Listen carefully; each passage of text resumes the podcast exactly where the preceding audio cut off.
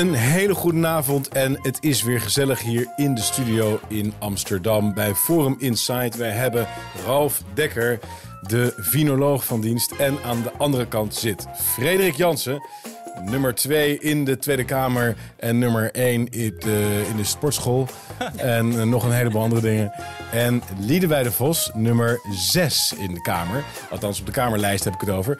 Eh, want jij gaat nu voor het eerst verkiesbaar zijn. Maar wij kennen jou al heel lang. Want je bent al jaren beleidsmedewerker. Je hebt biochemie gestudeerd. Je hebt ook viool gedaan op het conservatorium. Mensen gaan jou vandaag voor het eerst eigenlijk leren kennen op het, op het scherm. In voor het grotere publiek. Maar het is ontzettend leuk, want wij hebben deze zomer een groot project samen ondernomen. Wij hebben namelijk een boek geschreven. Wij zijn samen in het stikstofdossier gedoken. Maar echt er helemaal in gedoken. We zijn echt helemaal tot het gaatje gegaan. En we hebben uh, van geheime overheidsstukken tot gesprekken achter de schermen met stikstofprofessoren. Tot uh, boswandelingen hebben we gemaakt. Duinwandelingen ook. Ja, duinwandeling. We zijn overal geweest. We hebben het helemaal uitgezocht. En we kunnen echt zeggen met de hand op het hart. En als je het boek leest, je ziet het helemaal zien. Het stikstofverhaal is één grote scam. Er klopt werkelijk helemaal niets van. Daar gaan we het uitgebreid over hebben. Uh, we hebben ook weer post gekregen. De algemene beschouwingen zijn net geweest. We hebben een fantastische start gemaakt, vind ik van onze campagne. Forum voor Democratie is er helemaal klaar voor. En dat kan ook dankzij jullie ontzettende steun. Want de leden blijven toestromen, de donaties blijven komen. Ga naar fvd.nl slash 22nof voor alle informatie over 22 november. Je kunt ook gewoon naar fvd.nl gaan en doorklikken. 8 oktober, vergeet niet, is het grote Forum Outside Festival. Er zijn ook nog kaarten voor beschikbaar. Het was het grootste festival ooit. Het wordt echt fantastisch voor het hele gezin, voor iedereen, voor elk wat wil. Je kunt er eten, drinken, live muziek, sporten, wat niet al nog meer. Freek, we zijn afgelopen dagen bezig geweest met al die standjes organiseren. Wat wordt dat gaaf? Het wordt heel cool. We hebben een hele grote kaart gemaakt, alles zo geschoven en gedaan. Het wordt echt heel erg Het voelt alsof wij een, een, een soort, ja, alsof we Oost-Oekraïne persoonlijk gingen bevrijden. Het was echt een soort van veldtocht die we organiseerden, maar het wordt heel erg leuk. Het wordt echt heel leuk. En we beginnen natuurlijk deze uitzending, Ralf, met een glaasje. Ja, ik had natuurlijk helemaal geen keus, want we hadden vorige week de Twentse wijn gekregen. Ja. En daar waren twee flessen van, maar één fles is verdwenen.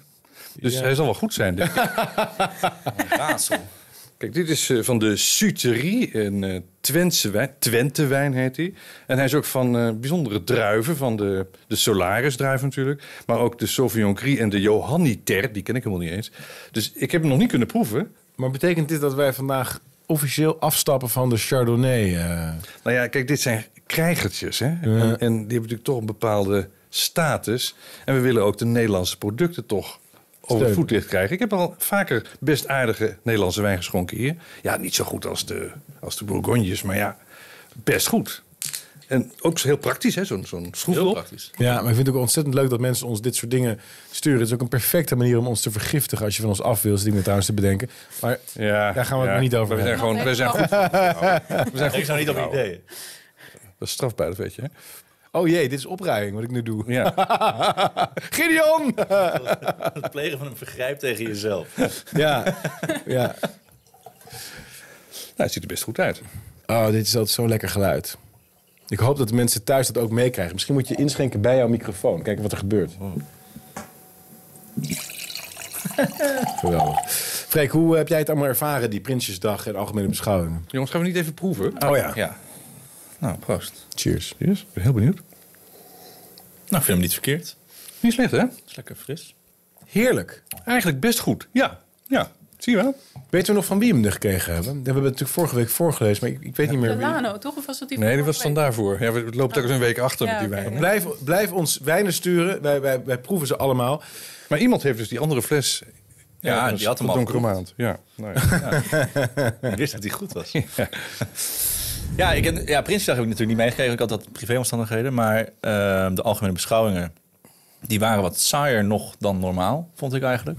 Zo korter dan normaal. Er was niet veel te zeggen. Rutte gaat al weg. Eh, ja. Ik wou zeggen, ze konden niet weer opstappen, zeg maar, want ze zijn al opgestapt. Ja, het was een beetje een raar sfeertje eigenlijk, vond ik. Eh, het is altijd eh, heel erg gewichtig. Maar nu was het eigenlijk allemaal een beetje van... nou, schiet maar op, want we hebben nog verkiezingen te doen. Dat Ja. voelde ik een beetje. Er was ook weinig aandacht voor, voor mijn gevoel. Ehm, ja. Ik, wat ik ehm, heel erg merkte, was dat de gevestigde partijen, de kartelpartijen, heel erg aan het voorsorteren zijn op samenwerken met het link, linkse blok. Hmm. En dat eh, Klaver liep eigenlijk al rond alsof hij bijna in vak zat. Alsof hij al in de coalitie zat. En ik ben dus zeer bezorgd dat de VVD... eh, Rutte zei ook van, ik geloof in klimaatverandering. Ik geloof dat migratie verrijking is voor ons land. Ik geloof dat je dat niet tegen kan houden. Ik ben voor meer Europese eenmaking. Zo. Hij was al alle stokpaardjes zeg maar, aan het eh, afvinken. En eh, ja, de- de- ideologisch is het verschil kleiner dan ooit volgens mij met het GroenLinks PvdA. Dat heet trouwens nu Groen-Rood, hè? Oh ja? Officieel? Heeft het Oh. een nieuwe naam? Ja, ja, ze hebben ook een nieuw logo. Het is heel grappig. Zo zie je zo'n roos en zo'n ding. En dan, ja, mooi is het niet, maar nou ja. Ja. Oh, hm. Ja, dus het is des te belangrijker dat wij het goed gaan doen op 22 november, jongens. Want we moeten echt tegengas geven. En ik had ook wel weer het gevoel met, ehm, met, met de interactie met eh, eh, Vera Bergkamp... dat zij was ook volgens mij opgelucht. Dat ze, dit is haar laatste keer als eh, Kamervoorzitter. Volgens mij zij zelf besloten om te stoppen. Hè? Volgens mij had zij ook niet echt meer heel veel zin in. Nee, het, het- ze was wat relaxter, vond ik. Ja. Zo, ik, heb, ik heb het toen toch wel een beetje als gespannen meegemaakt. Eh, er stond ook altijd onder hoogspanning mensen uit de, uit de Kamer... die waren gebaren en nee, Ja, wel. fractie altijd. Ja, uit de fractie zelfs in het PvdA ook. Hè. De- Ze kreeg af en toe van die... en ik had nu het gevoel dat, Ja. ze, dat ze er redelijk... Ja, Dat doe je dus echt. ja. Dat, valt al- dat is wel grappig, want ik weet niet of... Paternotte deed dat. Jan Ja. Paternotte. En Sjoerdsma. D66. Ja, en dan Dat is luister- altijd buiten beeld. Het wordt nooit in beeld gebracht door de regie. Maar mensen thuis weten dat waarschijnlijk ook niet. Maar Vera Bergkamp was... Ik vind haar helemaal niet de kwaadste. Maar ze liet mij dit keer gewoon uitspreken. Ik wist niet Ja. wat ik mee, maar ik dacht Ja, hè? Ja. ook eigenlijk. Ja, Maar ze, ze gaat toch al weg. ja Dus dat, dat bedoel ja, ik. Zo ja. zou ze veel meer meer ik, vond het dus, ik vond haar dus wat dat betreft eh, wat ontspannender erbij zitten. Dat, dat was wel beter. Ehm, en ik vond dat onze twaalf punten... Ja. dat is toch wel een heel goed concept om te communiceren... wat nou je hoofdpunt is. Hè, wat Ja, je ik vind hoofdlijn is. ook echt heel goed. Ik vind ons ook... Nee, maar de- We hadden het de vorige keer natuurlijk niet. Dan had jij een, een, een heel ingewikkeld betoog... eh, waar ze halverwege eh, niet goed begrijpend wat de hoofdzaak was... eh, wegliepen. Dat was eigenlijk één groot misverstand, vond Ja, ik, de ja. vorige keer. was En- ook wel een heel goed betoog, hoor, vond ik. Nee, dat, Ja, dat was heel goed, maar dat was, werd, gewoon, werd niet begrepen. En nu heb je gewoon een... Ja, je kunt gewoon Ja, die twaalf 12 punten aflopen. Alleen weet je wat ik wel merk? En dat is, want onderliggend van onze twaalf punten is dat wij willen stoppen met de, drie dingen die ons onze hele welvaart kosten. De klimaatplannen, de immigratie en de euro en de EU. Of de euro slash EU. Eh, maar dus, dus wij komen met allemaal dingen van lastenverlichting. Doe nou die benzineaccijns, is allemaal niet nodig. En je kunt dit en dat. En dan zie ik ze zo een beetje heel kijken. En wat ik het gevoel heb dat bij de kartelpartijen gewoon niet doordringt, dat is hoe makkelijk het is om Nederlanders veel meer rijkdom te, te, te laten hebben. Zij zitten echt allemaal vast in dat begrotingsidee. We moeten het binnen de bestaande begroting doen. En bij elke motie zeggen ze: ja, maar waar is de dekking dan? Waar wil je het weghalen? En wij willen de taart groter maken. En dat kan ook gewoon.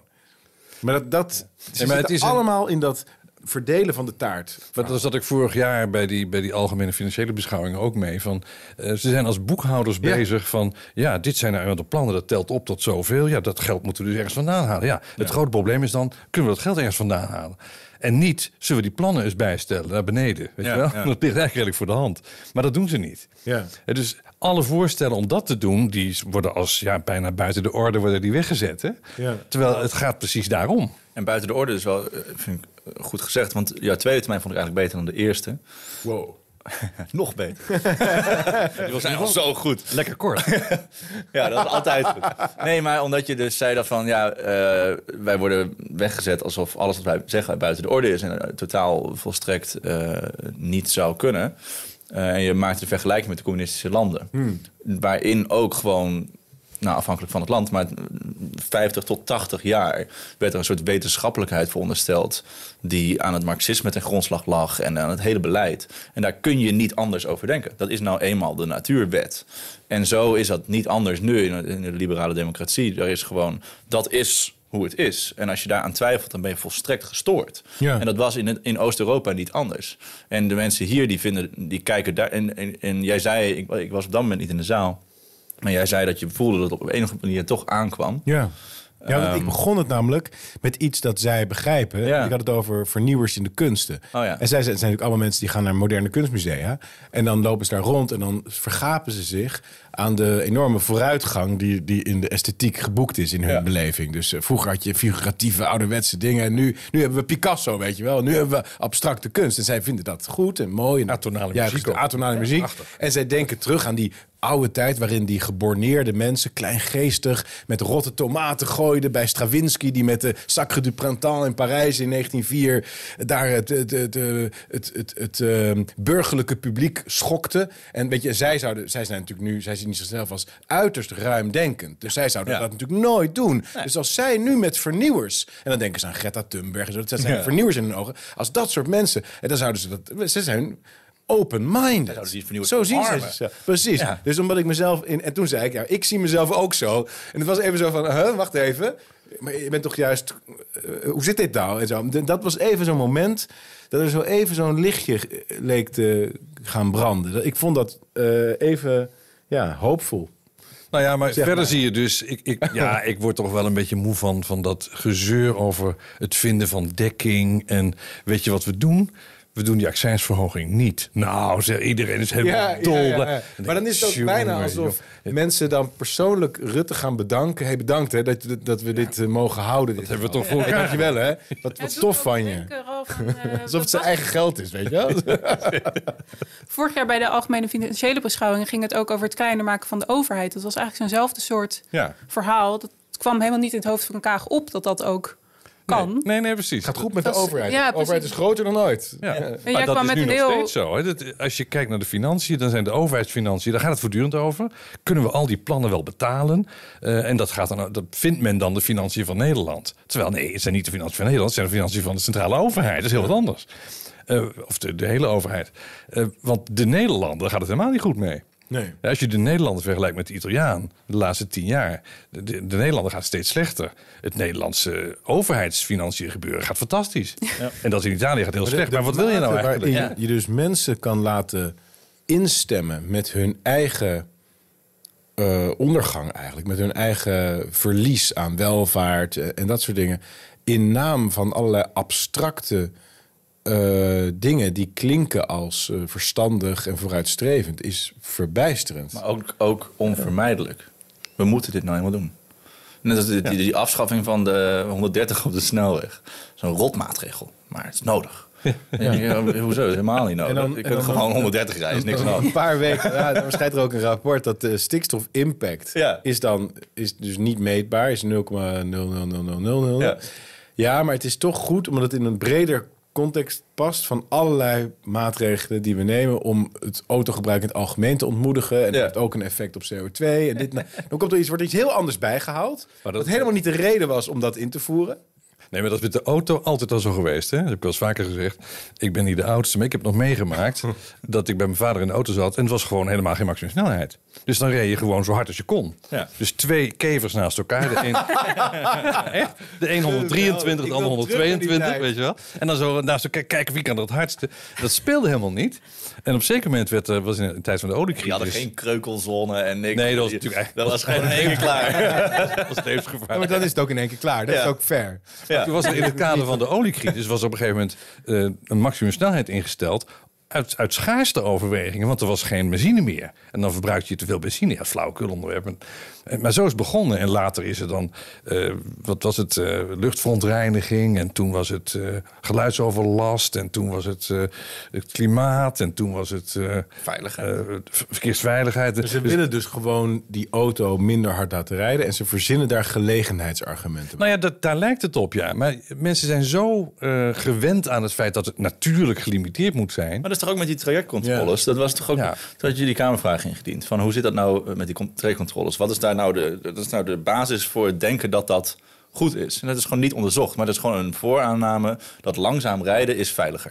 En dat wordt verder niet meer onderzocht. Dus dat trajectcontroles zorgen ervoor dat je langzamer rijdt. Dus het zorgt voor veiligheid. Boom, klaar. Er wordt er gewoon niet bij stilgestaan. Er wordt helemaal niet over nagedacht. En zo'n minister, nou, die, die, die- Ik ben ervan overtuigd dat snelheidsmaxima dat het verkeer onveiliger maken. ik weet het zeker. Want en ik zeker zo'n vind het dood, trajectcontrole. doodeng. Ik, die trajectcontroles levensgevaarlijk. Ja, maar als je kijkt hoe Echt. kort mensen Ja, op elkaar zitten in de trajectcontrole. Ja, maar dat is ook Dat is zo. niet normaal. Want En iedereen boven- rijdt allemaal en- krampachtig 80 op Daarnaast, En dan, je, je, je, de frustratie, oh, de, de inperking van, van je, je mens, de menselijke geest. Maar er zijn dus mensen die dat heel fijn vinden. Hè?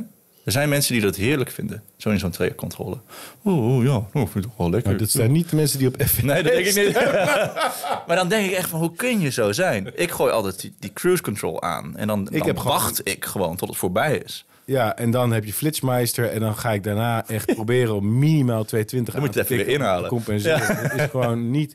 Het is zoiets ongelooflijks. En ik moet dan meteen aan het Romeinse Rijk denken. Ja. Onmiddellijk. Die hadden geen snelheidscontrole.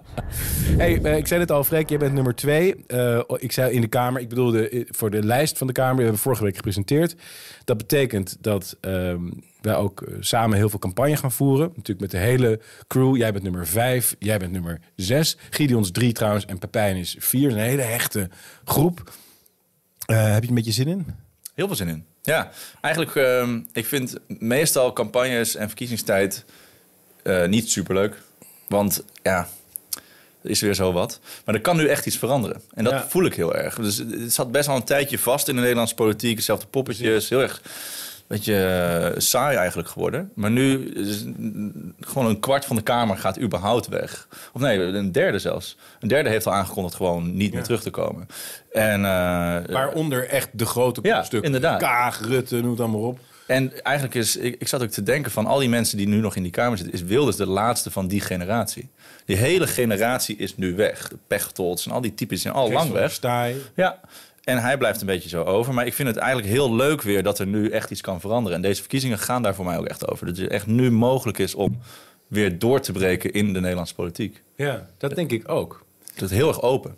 Dat denk ik ook. En ik denk ook dat dat is ook een van de redenen dat wij dit onderwerp van stikstof hebben opgepakt, Liedewij. Omdat eh, we, we doen eigenlijk vaak twee dingen hè, met Forum. We doen heel hoog over de grote geostrategische eh, analyses, de megatrends, waar gaan we naar naartoe? Eh, en we doen regelmatig dat we één onderwerp helemaal uitspitten om te laten zien dat het niet luchtfietserij is. En Ja. ik vond het zo ontzettend leuk om met jou samen te werken, want jij hebt een beta-achtergrond. Je hebt het allemaal gestudeerd, het, het chemische verhaal, het biologische verhaal. En ik heb dus ook heel veel van jou geleerd, maar ik denk ook dat jij weer dingen van mij hebt geleerd. We hebben dit echt samen gedaan. Hier ligt voor de kijkers de, de drukproef. Dit is niet het uiteindelijke boek, maar dit is eh, geprint. Maar het is, een, het is een, echt een kloek werkje geworden van ruim 300 pagina's. En wat wij volgens mij hebben gedaan, is het definitieve demasqué van dat hele stikstofverhaal bewerkstelligd. Ja, ja dus niet eh, hè, de hele geschiedenis van dit verhaal, maar ook de achtergrond van hoe gaat het met de natuur en ehm, wat is daar nou eigenlijk aan de hand. Er worden ook heel veel voorbeelden gegeven van eh, stervende eiken en gebroken vogelpootjes. En eh, nou, we, we hebben dat ook echt, al die voorbeelden hebben we ook uitgezocht. Waar komt dat nou vandaan en klopt het?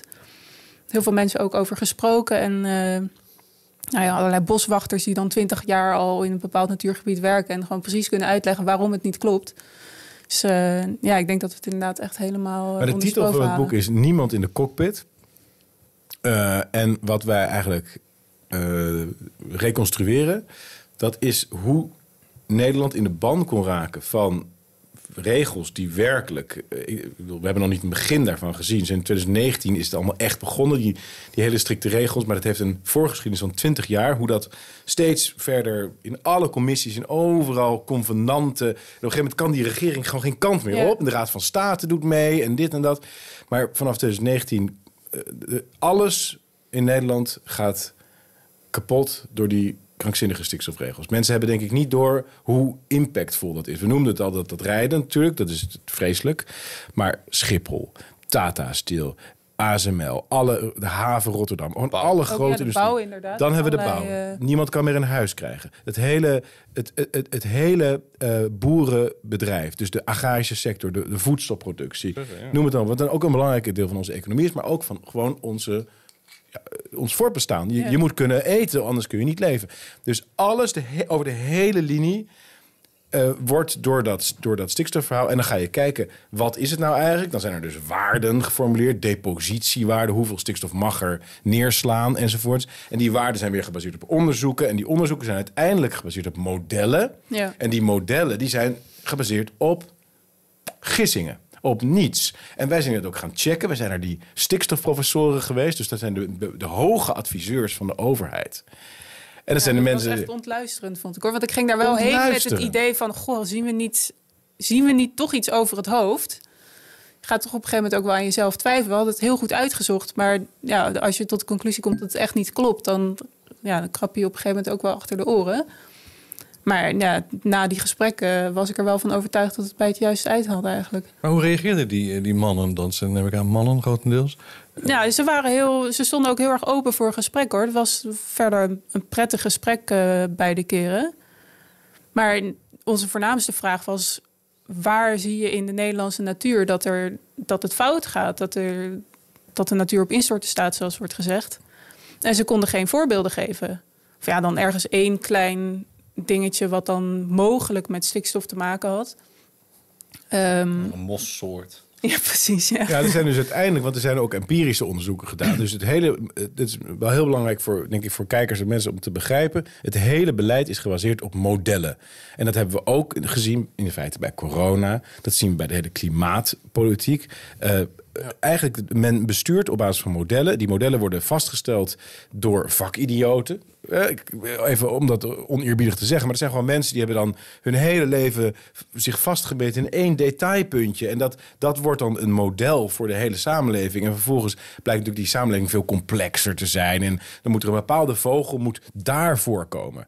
En die vogel die heeft daar geen zin in, want daar heeft hij ruzie gehad met zijn ex, wat dan ook. Die denkt, hier ga ik echt nooit meer naartoe. Maar, er zit dus die, maar ze gaan ze helemaal een heel, wat, heel gebied, mag niemand meer komen, wordt geherplacht, dit en dat. Terwijl die, die vogel die komt dus uit ten treuren voor, echt vijf hectare verderop. Nou ja, of- En daar is hij lekker heerlijk, lekker aan het partyen. En die vogel heeft het naar zijn zin. Maar daar toevallig staat dat niet in het plan van, de, van het milieu. Dus die vogel die moet met alle geweld daar naartoe. En dat is gewoon het systeem. Ja, of het komt ook in de rest van Europa vaak voor. Heb je bepaalde vogelsoorten die dan uit Nederland zijn verdwenen. En dan iedereen raakt in paniek. Oh, die vogel is uitgestorven. Maar als je dan naar de grotere kaart kijkt van heel Europa en Rusland tot in Siberië aan toe. Die vogel die, Ja. die gaat er gewoon zijn gang.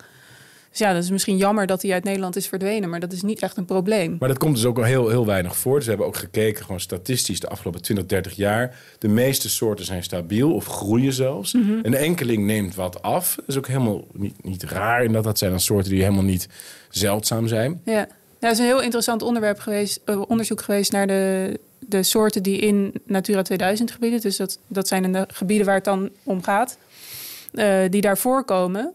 En nou, dat zijn een stuk of 500 nog iets meer soorten. En zeven soorten daarvan die nemen, of nou, 60 soorten daarvan nemen af. Eh, en zeven daarvan hebben als voornaamste oorzaak stikstof. Dus dat is op het totaal is dat anderhalf procent waarvan dan gezegd wordt: oké, dit, dit gaat achteruit door stikstof. En dat, hoe weten ze dat, dat eruit gaat? Dus Ja, dus dat, dat is op basis van. eh, je, hebt, je hebt zogeheten soortenorganisaties. Die houden allerlei gegevens van dier- en plantsoorten in Nederland bij.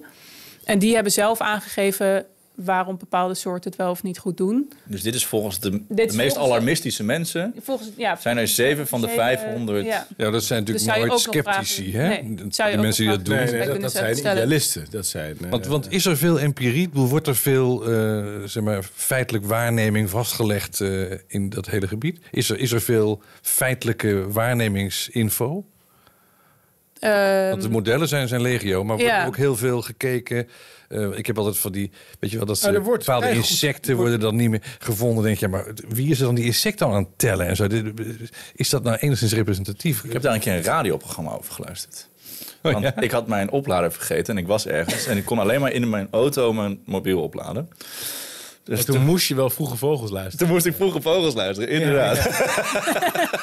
dan, kon, en dan gaat het te langzaam dat je iets op je mobiel kan doen. Dan gaat hij sneller leeg dan dat hij oplaadt. Toen zat ik inderdaad vroege vogels te luisteren. Dat is zo'n ontzettend saai programma. Het is echt een boomerprogramma. Ja. En, maar goed, dus toen ging het dus ook over stikstof natuurlijk. En er was een of andere gast en die zat te praten over paddenstoelen. En er was één soort paddenstoel en die zou ook stikstofschade oplopen als er dan te veel stikstof in de grond was. Dan zou die paddenstoel niet meer goed kunnen groeien. En dat had allemaal onvoorspelbare ecologische effecten. Ja, ja, ja. En ehm, dat was een van de belangrijkste redenen waarom de stikstof moest worden, de uitstoot ervan moest worden teruggedrongen. En dat, dat was precies dit. Het was zo'n zo'n zweverig verhaal over een of andere paddenstoel. En het was puur. En ik kan me niet goed herinneren of er nou empirie aan te pas kwam. Maar het ging in elk geval veel over zo'n soort. We weten dat deze paddenstoel zoveel eh, stikstof nodig heeft om te groeien. En bij ze. Gewoon puur modellenwerkelijkheid. Ja, Het maar was, daar gaat het inderdaad vaak fout. Dat ze zeggen, dat deze paddenstoel bijvoorbeeld... die kan volgens de modellen kan niet deze hoeveelheid stikstof aan. Dus, en er is meer stikstof dan dit. Dus het moet slecht gaan met deze paddenstoel. Maar Ja. als je dan gaat kijken hoe het er daadwerkelijk voor staat... dan is dat vaak helemaal niet aan de orde. Ja, ja dus, dus het, het, het, het, boek gaat over het stikstofbeleid, maar het gaat eigenlijk over iets wat veel fundamenteler is dan dat. Daarom dat we het ook de moeite waard vonden om het echt als boek uit te geven. Want, en de titel is Niemand in de cockpit, omdat ik denk dat het dus iets zegt. Wat wij zijn, wij zijn een case study gaan doen. Wij zijn gewoon heel precies en echt terug tot het- ons, het verhaal wat we vertellen begint in 1972. En, we, en, en, Club van en Rome. dan heb je de Club van Rome en dan begint een milieubeweging. En, en, en vervolgens zijn we gewoon stap voor stap, wat gebeurt er nou? En dan zie je dat er is een paniek op een gegeven moment over zure regen. Ja. Heel, heel Europa denkt dan dat er door zure regen... en er zijn ook, ook, ook, informatiecampagnes... dat je dus straks, als je, dat je niet meer buiten kan lopen als het regent... want die regen is zo zuur, dat je, je kleren die, die branden weg voor jouw ogen. En alle hele van die paniekverhalen. En dat blijkt dan niets van waar te zijn. in het jaar 2000 zouden er ook alle bossen uitgestorven zijn. Of zo. Oh ja, Maar maar binnen dat, eh, vijf- dat was wetenschappelijk 19 bewezen. Ja. Kijk, maar het, het leuke is, of het interessante of het schrikbarende is... dat dat is dan groot nieuws, de paniek. En als het dan minder erg is... dan is dat een voetnootje in een krantenartikel... eh, ergens op pagina 20. Onder... Of we hebben het onder controle gekregen. Net als met corona. dat kan Zo ook. Ja, goed. dat is ook een... eh, Dat Ja, kan dat ook. wordt ook gezegd. ja. Ook over de regen wordt dat Ja, gezegd. ja, Van, ja, dat dat klopt, komt onze ja. maatregelen. Maar ik heb dus heel veel ook eh, overeenkomsten gezien tussen dat klimaat- en milieudenken en de coronapaniek en alle andere eh, paniekverhalen. Dus je ziet gewoon, als je zo heel precies op één onderwerp gaat inzoomen, hoe de mening van het publiek bespeeld wordt met, met grote verhalen, met postercampagnes, met dingen. En dan wat, wat er dan gebeurt, en daarom is het ook eh, interessant dat wij ook in de Tweede Kamer natuurlijk zitten en dat wij zien hoe, hoe daar gewerkt wordt, dan wordt er een spoeddebat aangevraagd. En niemand wil op dat moment, als de stemming in het land is eh, paniekerig, weet je wel, mensen zitten bibberend van angst thuis. Niemand wil zeggen, ja, valt allemaal wel mee, eerst maar eens even afwachten. Zeg maar de, de Ralf eh, eh, aanpak zou zijn, nou, eerst, kom maar eerst eens even met de feiten. Nou, dat is niet hoe hoe dan gereageerd. Die zeggen nee, we gaan een commissie op. Een heel bedongen commissie. En die commissie wordt natuurlijk gevormd door inderdaad vakidioten, fanatici, mensen die al een, een paniekartikel in de krant hebben geschreven, noem het dan maar op. Die commissie komt weer met aanbevelingen. Ja, wie zijn dan de politici die dan zitten? Dat is vaak weer een nieuwe regeerperiode. Er zijn weer andere mensen, die hebben helemaal niks meer. Wie zijn zij dan om dat te negeren, weet je wel? En die denken, nou, dan gaan we maar een wet maken. En uiteindelijk wat je dus ziet, is dat het rondom de cockpit, even zo gezegd, van Nederland, wat de regering en de politiek zou moeten zijn, daar rondom spint zich een web van belangengroepen, van experts, van paniekverhalen, van een, een, een bepaalde lobby. We hebben ook diverse lobby's we tegengekomen, gewoon waar heel veel geld bij zit.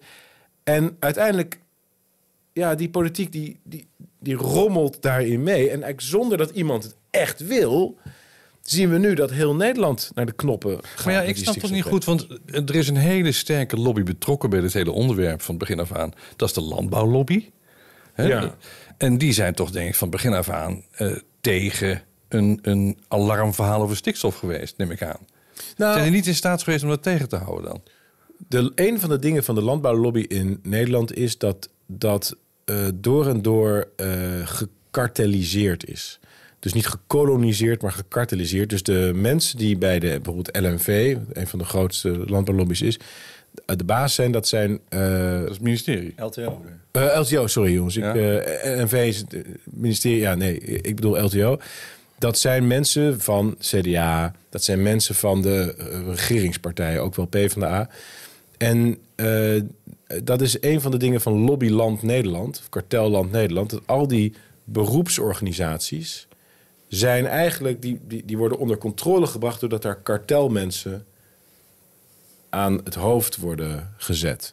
En wij hebben bijvoorbeeld één oud bewindspersoon gesproken van het CDA, die op onze hand is. Ik zal zijn naam niet noemen, dat vindt hij volgens mij niet oké, maar we zijn er samen naartoe geweest.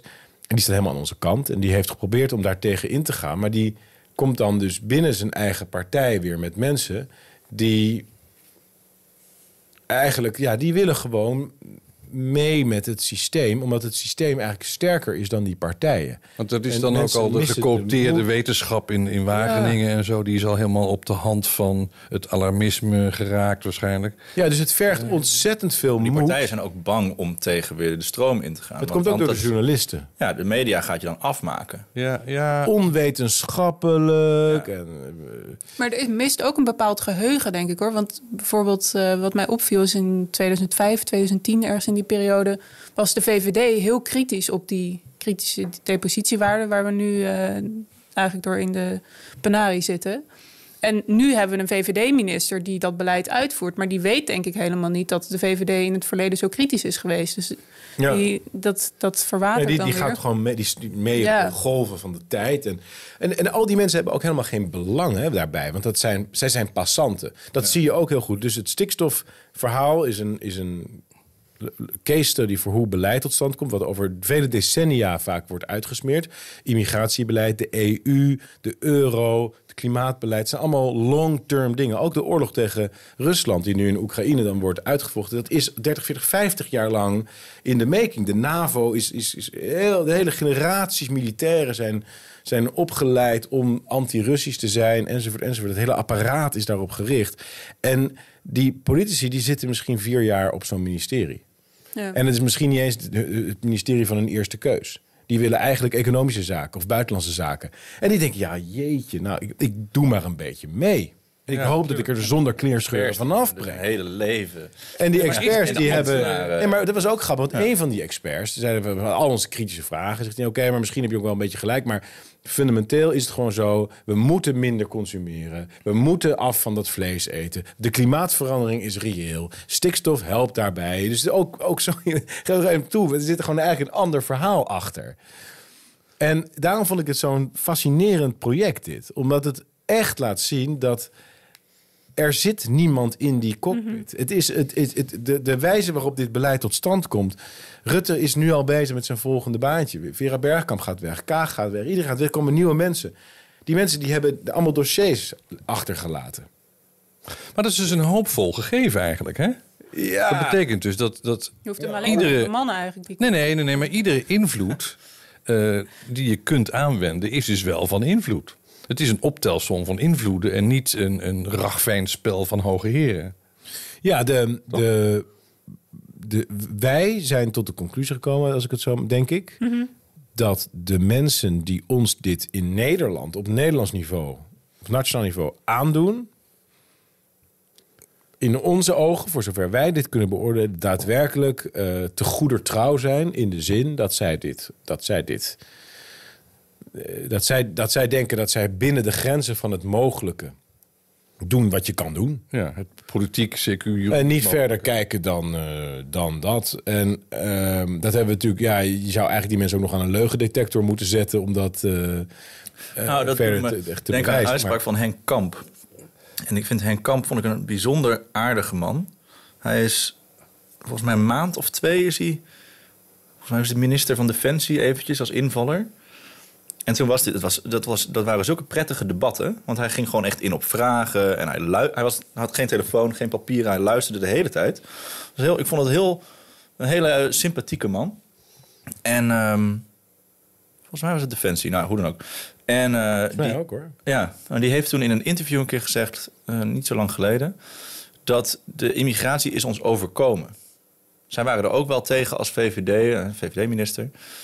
Maar het is ons overkomen. En ik geloof ook dat hij dat echt zo voelt. Ja. Het- het- hij zag dat als een soort onmogelijkheid. Ja, dat gebeurt nou eenmaal. Wat ga je eraan doen? En ja, dan is de dag alweer voorbij. En dan, nou, dan zit je alweer thuis. En dan Ja, maar dat is ook, ik denk ook dat je met dit boek in de hand van ons Ja. precies hetzelfde over immigratie kunt verklaren. Want dat ging zo. Ze hadden gastarbeiders nodig. Die economie die trok ineens aan. Het was na de Tweede Wereldoorlog, de wederopbouw. En dat, daar waren goede redenen voor te, te bedenken dat je zegt: jongens, dit is belangrijk. We moeten nu mensen hebben. Ja. Die mensen waren bedoeld om tijdelijk hier te komen, een paar jaar en dan gingen ze weer terug. Een paar jaar later ontstaat er een soort eh, actie, mens, men, men- medemenselijkheid. En ja, je gaat die mensen nog niet terugsturen. En dit is toch allemaal zo zielig. En die politici die denken, eh, het zijn allemaal weer hele andere mensen. Nou ja, en stel, En die denken, stel je nou, wilt we wel doen. maar doen. Dan krijg je de, de Mauro-campagnes. En je, ik weet niet of jullie die nog kennen. Maar, En you're out of Ja. power. Dan verlies je En dan gaat de media, die ga je gewoon helemaal kapot maken. Ja. Jij gaat, en dan trekken ze een kindje voor een camera met Tim Hofman. Ja, die wilt u Eh, terug, terug, u wilt dat zij terug en dan gaat ze naar dat dorp in Marokko. Ja, je mensen worden geslagen hier, dit en dat. En, eh, En dan wees dan maar degene die hard is. Ja, en dan gebeurt niet. En van daaruit, dan weer, weer vijf jaar later zitten er weer nieuwe mensen. En dan is is het weer ergens een oorlog in Biafra of in eh, weet ik veel waar. Ja, dat was toch een oorlog in Biafra? Ja, met name een geweldige hongersnood. Oh ja, nou, dan dat. eh, of in Ethiopië. En dan heb je Giro, de Huppel de Pup. En dan dit en dat. En dan, eh, dus ik, dat het ons overkomt. Dat is, maar het is ook frustrerend. Want, het, want ergens is het ook makkelijk om te bedenken... er is ergens een controlekamer. Maar wij zeggen dus... we- niemand in de cockpit is de titel. En de laatste zin is... laten we dan nu toch die cockpit inlopen... en die stuurknuppel herpakken. Want we moeten van koers veranderen. Maar waar zit die, waar zit die stuurknuppel eigenlijk? Hij staat op automatische piloot. Hoe krijg je die eraf? Ja. Nou ja, wel uiteindelijk in het Op parlement. 22 november kunnen mensen natuurlijk Het wel kan wel. gaan. Ja. Maar dan heb je dus ook, daarom denk ik ook dat Forum een belangrijke partij is. Want wij hebben hier ook dus denkwerk verricht. Omdat, dus wij snappen nu hoe dit proces werkt. En dan kun je het aanpassen. Maar als je eigenlijk niet snapt hoe beleid tot stand komt. En wat interessant is aan onze partij is, na alles wat we hebben meegemaakt, zijn wij gewoon echt totaal gevoelloos de voor wat de media van ons vinden. Dus wij laten ons niet meer zo chanteren zoals. eh, Nou, dat is wel één dat ding dat, dat wij wel openlaten in het boek. Dus, want eh, de, de conclusie is dus eigenlijk in de cockpit zit niemand. Maar het, het vliegtuig is speelbal van, van de grillen van de... Hè? Grotere trend, toch? Ja, precies. Van de grotere trend, van de golven, van de, van de stemmingen in het land en dat soort dingen. Maar wie of wat bepaalt dat nou? Hè? Dus ehm, Je kunt wel spelers aanwijzen op internationaal niveau die heel veel invloed de hebben. Club van Rome bijvoorbeeld, de milieubeweging. Ja, maar wie- wie dat Natuurlijk, ook. kijk, rijke Ja. mensen hebben meer invloed. eh, grote landen hebben meer invloed. Natuurlijk, hè? Ja, maar ik heb me maar bijvoorbeeld- kleine spelers hebben ook invloed. Ja, op die manier heeft iedereen invloed. Maar Ja. ik heb mij eh, lange tijd verdiept in de Frankfurter Schule. Even totaal onder onderwerp, maar die raakvlak is, hiermee is... is dat heel veel van hun werken zijn gefinancierd door een aantal hele grote organisaties... waaronder de Rockefeller Foundation. En hetzelfde geldt voor de milieubeweging. En dat is... Dat, dan kom je gelijk in wat eh, complotterrein wordt genoemd. Maar er zijn wel degelijk spelers aan te wijzen... die heel veel geld hebben geïnvesteerd in het opzetten van conferenties... het bij elkaar brengen van de juiste mensen... eh, eh, tijdschriften financieren, eh, onderzoeken financieren. Allemaal wel vanuit een bepaalde soort van basishouding. Niet met een soort plan, dat geloof ik echt niet. Ik geloof niet dat je in 1900 bedenkt... we gaan in 2023 boeren uitkopen in Nederland. Dat, dat, dat, dan moet je wel echt de grootste schaakmeester ooit zijn. Maar wel van het is belangrijk dat we met milieu bezig zijn... en dat wij de groei gaan inperken. Dat we de industrie gaan Ook af- die mensen, afbomen. ook die mensen Ja. zijn gewoon eh, mensen die zich laten beïnvloeden door het. Dat is het gekke. Ja, ook weer. Door het verhaal wat ze voor een deel zelf gefinancierd hebben. Ja. Je, ziet, je ziet dat ook aan de top van bedrijven. Dan denk je van, nou, die lui daarbij. Nou, ik heb dan in een van die bedrijven gezeten. Van die, eh, die proberen een heleboel naar hun hand te zetten. Nee, die, die mensen zijn persoonlijk ook overtuigd. En ook een beetje in het ootje genomen door allerlei verhalen over bijvoorbeeld klimaatverandering of weet ik wat. En die, die drijven ook zelf, want die willen goed doen. Dus die gaan ook. Is dat, dat ook zo'n Gates. Doen, die heeft een- aanzien ook. Gates heeft een aantal eh, inzichten, bijvoorbeeld hè, Bill Gates. Eh, en die heeft natuurlijk door zijn financiële macht... heeft hij een geweldige invloed op wat er gaat gebeuren. Ja. Eh, veel meer dan jij en ik, want wij hebben die financiële macht niet. Maar helaas. Maar, Helaas. Ja, ja. Nog niet, nee, nee. Maar is die overtuiging om iets goeds te willen doen, dan denk je sterker dan. ehm, Het is een mix. Hè. Natuurlijk, het is altijd heel moeilijk om, om heel actief bezig te zijn met iets wat, je, wat jou in de vingers snijdt. ja, Natuurlijk, hè. precies. Ja. Ehm, dus het is een beetje een combinatie van dingen. Maar het is niet alleen maar eh, mijn eigen financiële situatie waar ze achteraan jagen. Het is ook niet los van alles een totaal los daarvan staand ideaal. Nee, het gaat natuurlijk een beetje in elkaar over. Maar ik zie dat wel als, hè, als er een overtuiging komt die echt een andere kant op gaat. en die wordt wereldwijd wordt dat steeds meer de trend. dan zie je heel veel mensen bijbuigen. Die gaan dan achter die overtuiging aan. Dat is eigenlijk Ja. goed. Ja. En, die, en de angst om, om af te wijken van, het, van, de, van de trend is. is Ja, dat is denk ik de grootste drijver. Ja. En zeker voor individuen. Eh, men wil niet een, een outlier zijn, een uitzondering zijn. eh, Want dan, ja, dan sta je buiten de kudde als het ware. En dat is toch wat, je- ja, dat is het allerlaatste wat je wil. Ja. Hè? Behalve wat van die, eh, nou ja, die Don Quixote zoals er hier aan tafel zitten. Maar er zijn er niet veel Ja. van.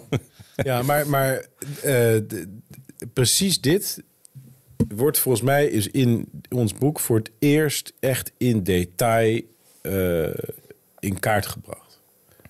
Van hoe die, die wisselwerking is. Dus inderdaad, er zijn grote belangen op de achtergrond eh, die een bepaalde stemming genereren. Maar vervolgens die stemming krijgt een eigen dynamiek. En dat wordt een, dat wordt een hele. Dat wordt een, een hele gekte, een hele. Maar wat, wat mij opviel, ik heb het boek gelezen, is dat er ook, laat ik zeggen, juridische componenten in zitten. Waarvan je denkt, ja, we zijn nou eenmaal gedwongen door de EU om dit te doen. En er zijn allerlei eh, habitatrichtlijnen, die schrijven dit voor en weet ik wat. Die soortenlijsten. Ja, precies. Ja. En als je, dan, als je dan jullie verhaal leest, zeg je, dat is helemaal niet waar.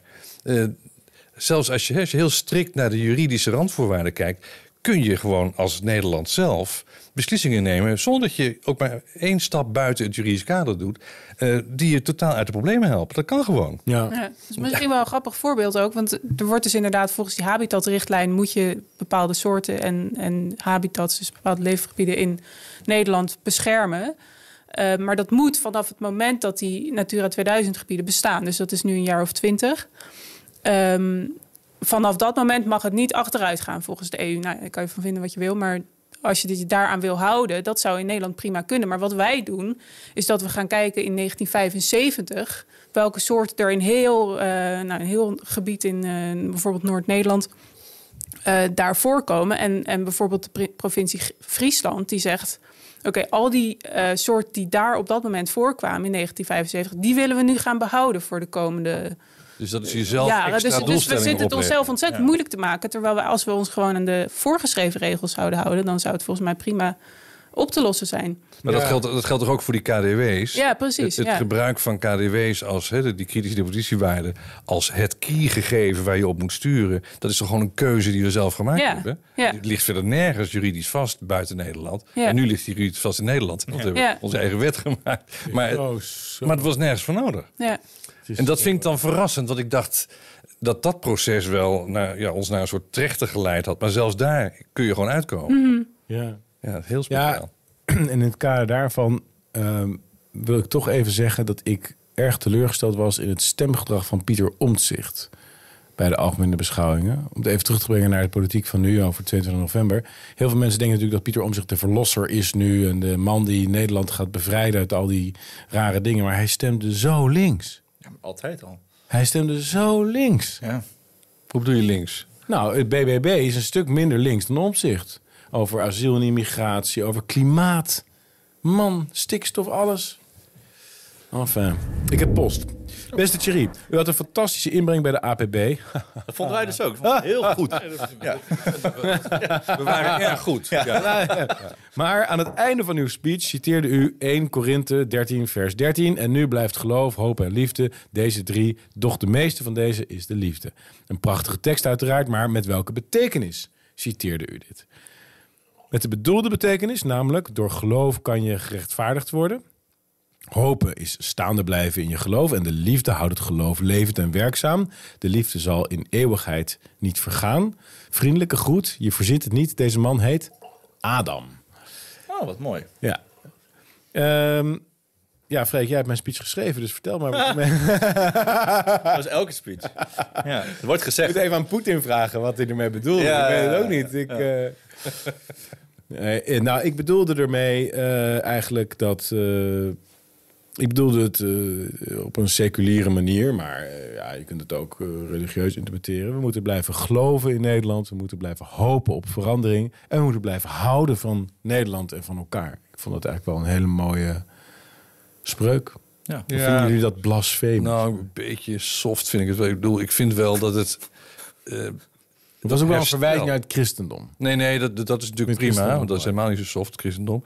Maar ik vond het, het woord herstel sprak mij wel aan. Want ik heb wel het gevoel dat we een soort herstelplan moeten maken. Dat hebben we de facto ook een beetje gedaan. En een aantal dingen ook gewoon moeten terugtrekken. Hè? Dus eh, Ja. die wet publieke gezondheid, ja, die, met name dan die, die, dat deel... Pandemiegedeelte. Dat pandemiegedeelte wat er dan nieuw ingekomen is. eh, dat is niet een beetje goed. Nee, dat moet gewoon integraal moet dat worden geschrapt.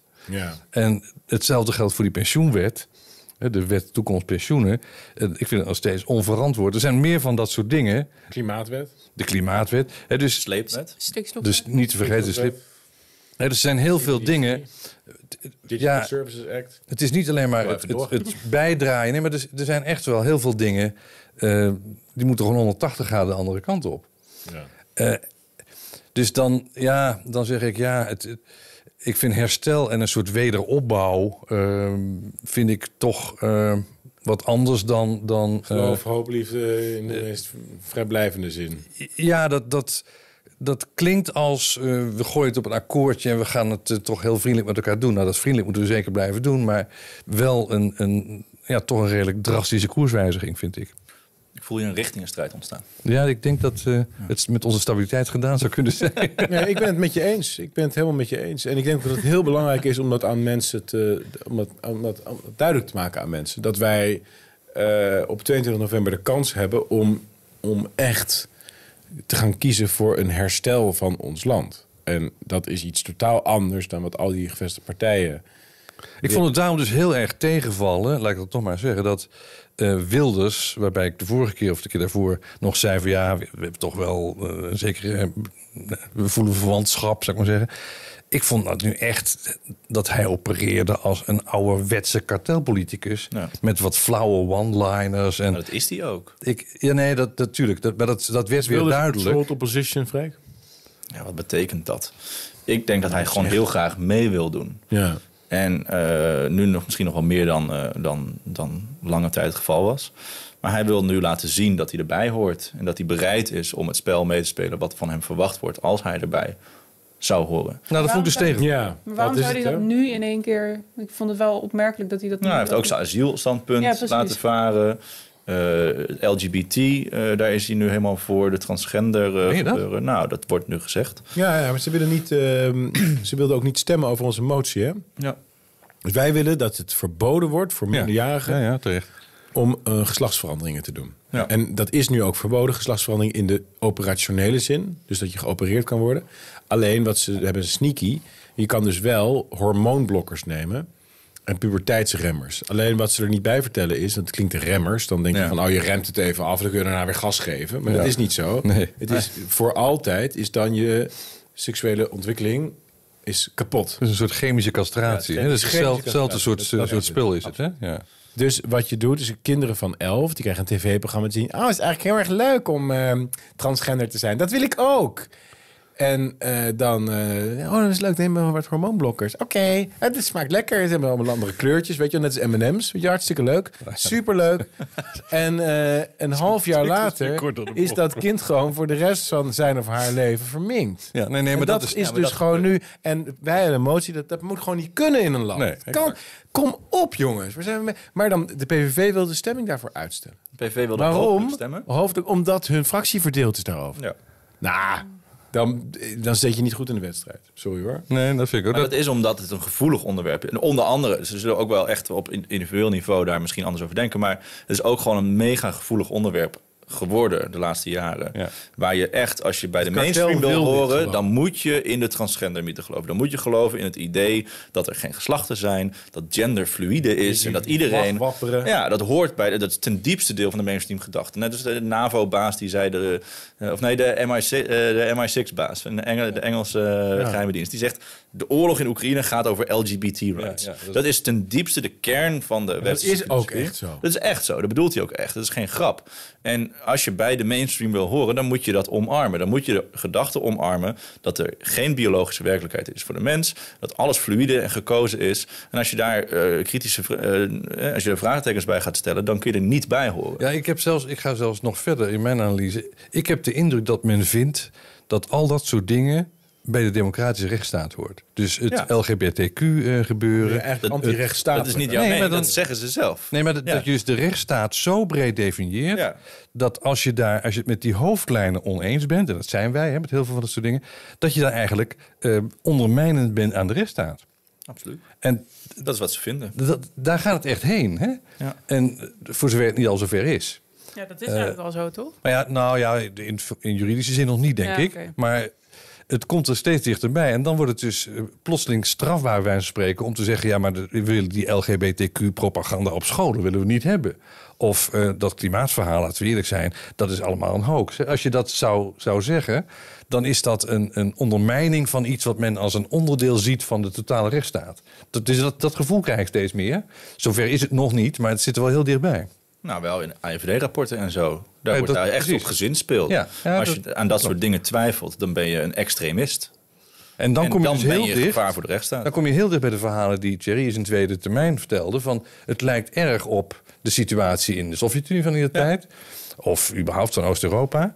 Hè, met, met wat is het? eh, Garta. eh, Wat is het? Garta 77, 72? Wat was het ook alweer? Garta 77? Waar gaat dit over? Nou, eh, dat, er, dat je een dissident bent als je eh, dat hele stelsel van, van, van denken, wat allemaal bij die rechtsstatelijke wereld hoort, als je dat niet onderschrijft. Ja. Dan, dan ben je een dissident. Hè? Zoals inderdaad eh Václav Havel of eh Ja. eh, Lech Walenza of dat, dat type figuren die... eh In 1977 een eh, Ja. eh, manifest opstelde. ja, dat gaat er 77 is dat, hè? ja. En dat, nou ja, dat vind ik toch wel eh, een... een ja, Hetzelfde fenomeen. ja, Absoluut. Maar ja, Dat is 100% hetzelfde. En de vraag ging over Geert Wilders. Hij wil gewoon laten zien dat hij dat niet is. nee, hij is, geen dissident. dissident. Exact. Ja. Nee, nee. Hij hoort bij de gevestigde orde. Maar ja, dat, Oh, hij- daarom ook dat hij complottheorieën afwijst. ja. Eh, Dat is ook een vraag. Ik zie dat er ook een vraag over is. Eh, ehm, wat een vuile streek van Wilders om zo'n domme, do- domme vraag te stellen aan je. Hij wist donders goed hoe jij over deze onderwerpen denkt. Wat bedoelde hij daar stiekem mee? Heb je hem nog gesproken? Goed, Thiago.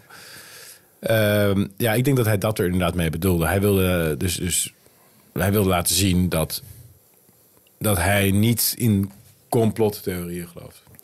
Nou, zijn, zijn hele bestaan... Hij is toch ook twintig keer gevaccineerd of zo? Ja, Hoe lang heeft hij nog te leven? Als het niet meer is. Nee, los, van die beveiliging die hij nodig heeft, wat verschrikkelijk is. Maar hij heeft wel ook zijn eigen leven in gevaar gebracht. Maar het hele idee van de PVV begint natuurlijk met 9-11. Ja. En de, de, de, de, de war De- on terror. De en, eh, stichtingsmythe van de PVV. Ja, dus het is op zich en hun hele bestaan eh, draait om eh, het bevechten van eh, de islam. En ehm, als dat op enige manier in twijfel kan worden gebracht, dan is ook hun hele, hele hoe noem je dat? Hun Ja. legitimiteit ondermijnd daarmee. Nee, maar het twijfelen Ja. aan dat soort dingen is ook oh, ja, is een ongelooflijk taboe. Hè? Dat is toch die ladder van ongeloof? Of wat, ja, de- hoe heet dat Ze nou? noemen het de, de, de staircase of disbelief. Maar ik vind het eigenlijk mooier om het een, een twijfeltrap te noemen. Dat vind ik de alliteratie toch altijd aardig. Eh, Twijfeltrap. een twij- een twijfeltrap omhoog. ehm, waarbij je iedere trede weer gaat twijfelen aan... Ja, nog dieper gaat twijfelen aan zaken die zich voor hebben gedaan. Bijvoorbeeld laten we beginnen met de allereerste trede... is dan de moord op JF Kennedy. In En 1963. 1963. eh, Harvey eh, Oswald. Oswald die zou dat in zijn eentje gedaan hebben. Ehm, en hè, vanuit een, een van de pakhuis. En nou, allemaal. Nou, er zijn nu. Geweer van 25 jaar oud. Nou ja, precies. Er zijn de- eh, op grote afstand dan. en er is één kogel die dan een hele merkwaardige route afgelegd zou moeten hebben. om alles te doen wat hij gedaan zou hebben. Precies, hè, de magic bullet is dat. Ehm, en als je daar even induikt, dan weet je, ja, dit, dit, dit kan nooit het verhaal zijn.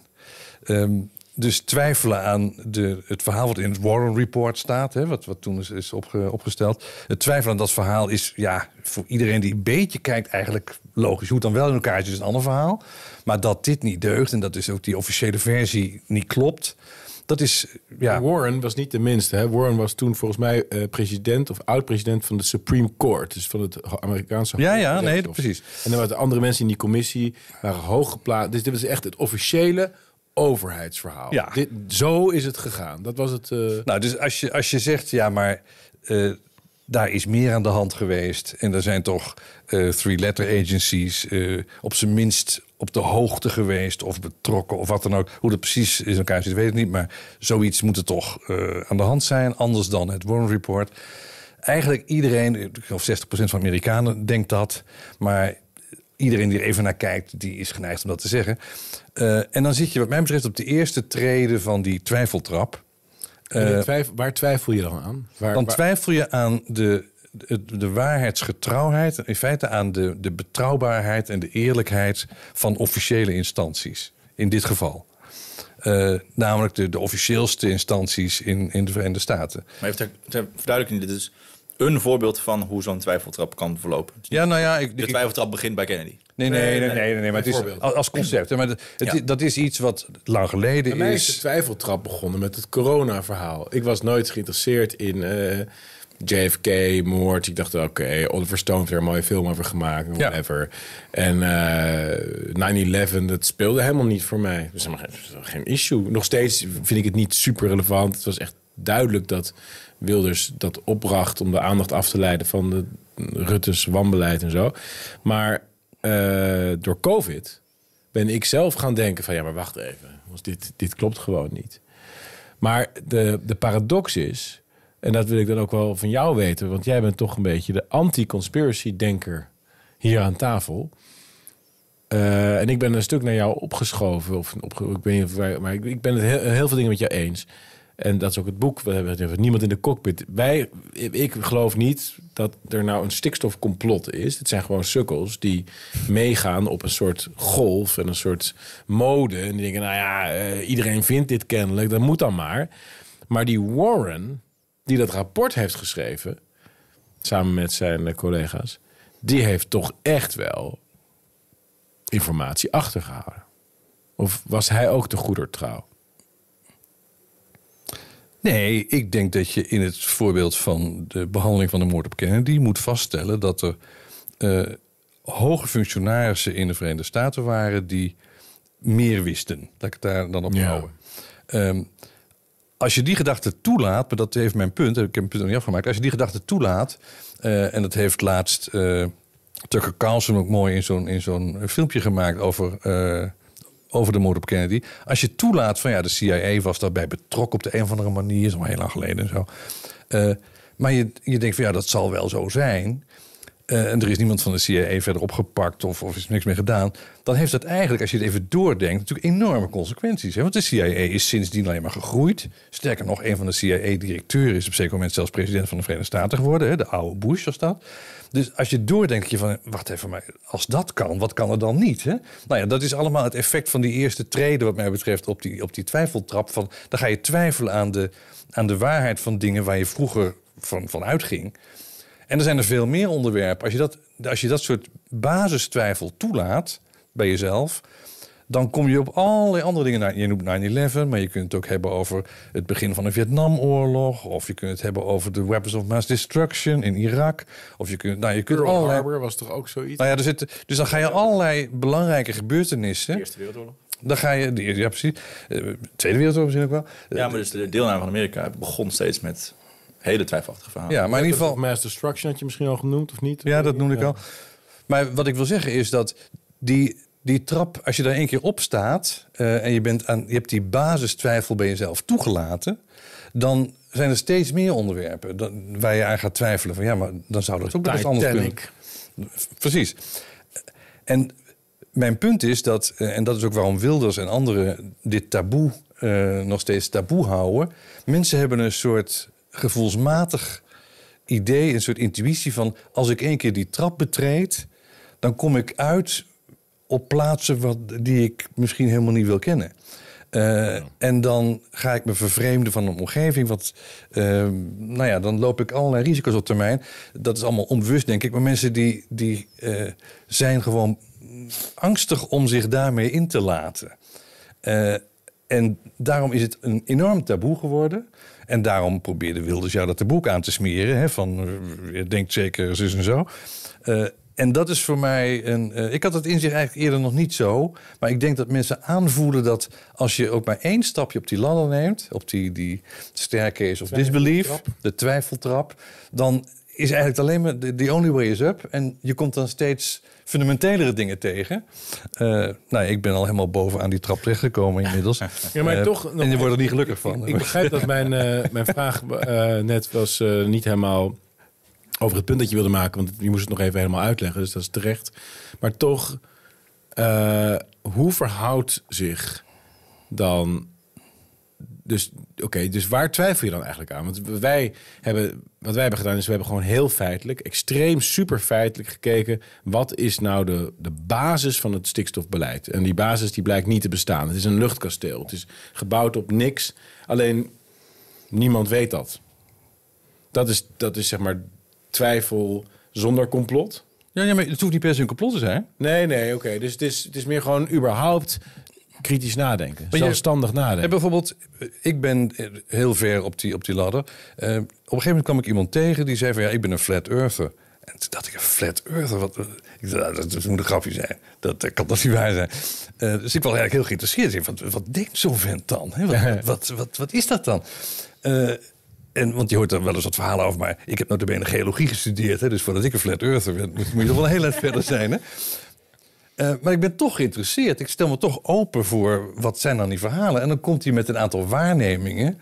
Uh, waarvan ik zeg, ja, hmm, dat, klopt dat? Is dat echt zo, die waarneming? Ja, dat kan ik eigenlijk ook niet verklaren. Dus ook daarvoor denk ik, ja, ik ben nog steeds geen flat earther... maar ik ben wel geïnteresseerd in wat die mensen dan allemaal voor dingen en voor punten hebben... Uh, en als je dat doet, als je je zo open opstelt, dan heb je helemaal geen vaste bodem meer. Hè? Dan is alles is in beginsel ter discussie. Ja. Uh, dus het, het, is geen complot, maar het is gewoon je openstellen voor, uh, uh, voor fundamenteel andere inzichten die in eerste instantie totaal absurd lijken. Ja. Dat is wel een heel gezonde houding, denk ik ook, toch? Dat is ook. Ik sluit eigenlijk weer mooi aan bij die, bij die tweede termijn van jou. Dat die paradigmaverschuivingen. Nou, Bertrand Russell, die, die was toch een bekende filosoof, die deed dan s ochtends de deur open voordat hij naar zijn werk liep. En dan ging hij eerst zo met zijn voet zo even voelen. Want ja, je weet nooit zeker of... de nog wel vaste grond. Ja. ja dat, is, dat, dat ben je wel heel consequent. Ja, waar, waar twijfel je aan wel heel, heel scherp eigenlijk? Waar twijfel je dan echt aan? Dat is uiteindelijk het hele bestaan uiteindelijk is dat het. Daar kom je bij ieder van die stappen verder dichterbij. En dat is uiteindelijk de diepste vraag van de filosofie. En dat is iets waar mensen denk ik in hun leven niet mee om kunnen gaan. Gewoon die echt die pure twijfel aan, aan alles eigenlijk. En daar, dat is misschien wel het einde van zo'n trap. Dat je zo'n Nietzsche helemaal doordraait en uh, in een inrichting belandt. Ja, wat, wat ik... Ja, weet ik niet. De man die dit verzonnen heeft, die zegt dat die trap uiteindelijk uitkomt bij God. Ja, oh. ja nee, maar, als, maar in ieder geval... ik denk dat mensen... Meer, meer iets... dan een mensenleven nodig om al die, al die twijfels op te lossen. Dat, dat kan helemaal niet in één... Nee, maar je kunt ook nee, maar oplossen. Wat, wat, wat, is, wat is dan... Dus de twijfel over complottheorie gaat over de twijfel... Over de, over de neutraliteit eigenlijk van de de rechtsstaat en over het bestaan van de rechtsstaat eigenlijk. Dus de, over de rechtvaardigheid van de bestaande orde. Ja. En, maar dus ook in het geval van het communisme was er was een hele duidelijke theorie lag eraan ten grondslag. Uh, liberale uh, democratie eigenlijk ook best wel. Um, en de, in ons geval, in onze tijd, gaat het erover dat er is een staat en die is neutraal en die uh, stelt zich neutraal op en die is objectief. En mensen doen het beste wat ze kunnen om het voor zoveel mogelijk mensen zo goed mogelijk te maken. En als, dat is een soort van de basisaanname van onze huidige orde. Um, de mensenrechten, de humaniteit, et cetera. En als dat dus op bepaalde voorbeelden niet het geval is, dan bestaat die hele orde dan wel. En dat is eigenlijk wat ik bedoel met het twijfelen aan het bestaan van dingen. Bestaat die hele orde dan wel? Of zit er niemand in de cockpit? Ehm, Nou ja, In die beide orde- gevallen, eh, ik kan me heel goed voorstellen eh, dat mensen het bijvoorbeeld over corona ontzettend eng vinden om te twijfelen aan die vaccinaties. Omdat dat betekent dat je al die mensen in witte jassen ja. die jou, waar je op moet vertrouwen eigenlijk als je bijvoorbeeld een hartaanval hebt of als je met kanker komt, dan ben je bang, dan ben je machteloos, hulpeloos en dan Ja. heb je uh, hou vast nodig. En Dan wil je een expert hebben. ja, en mensen hebben dan ook heel vaak dat ze bijna een soort uh, heilige verering hebben van hun chirurg of hun cardioloog of hun, hun, uh, uh, ja, hun behandelaar. Um, en dat is natuurlijk iets wat mensen heel erg sterk voelen. Mensen willen heel graag dat er iemand in de cockpit wordt. zit. Ja, ja, ja. Dat, willen, dat is een heel diep, denk, Denk ik, heel diep verlangen. Ja. En het is, het is heel beangstigend. De, de wereld is een hele koude, kille plek als, als dat gewoon niet zo is. Ja, dan ben je overgeleverd. Als die gasten ook maar wat aan het doen zijn. Ze maar wat aanklooien. Of erger nog, als, uh, zoals met JFK, uh, een, een, moord organiseren. Of, of, of uh, Martin Luther King is natuurlijk hetzelfde. Of, of Robert Kennedy is ook ja, op onder, ja. buitengewoon merkwaardige omstandigheden vermoord. Er zijn wel heel veel van dat soort verhalen. Julian Assange zit vast. Daar willen wij ook uh, amnestie voor. Maar de moord op Julius Caesar, om het even terug te brengen naar het Romeinse Rijk. Ja, precies. Ik wou uh, net... Uh... daar, daar, daar, daar, twijfelt niemand aan dat dat een complot was. Dat er hoeveel senatoren, 50 senatoren. Ik dacht dat het een lone wolf was. Ja, nee, nee duidelijk, overduidelijk niet. maar uh, dat is een overduidelijk geaccepteerd complot. Ja. Nee, maar complotten bestaan natuurlijk gewoon. Dat is uh, zonder enige twijfel zo. Ja. Ik zou hem sterker nog willen vertellen. Alleen vroeger bestonden die, ja. Nu in onze liberale oh, alleen tijd. Vroeger. Oh, ja. alleen vroeger. Wij zijn veel verder dan. Wat een mooie uitzending. Ralf Dekker, Freek Jansen en Liedewij Vos. Dankjewel jongens. Niemand in de cockpit. Je kunt het nu alvast bestellen bij amsterdambooks.nl. En vanaf 8 oktober ligt het in de winkel. Vergeet niet je kaartje te kopen voor de boekpresentatie in het Forum Outside Festival op 8 oktober via fvd.nl. Wees erbij. Volgende week zijn we er weer. Bedankt voor het kijken en zorg goed voor jezelf en voor elkaar. Bye bye.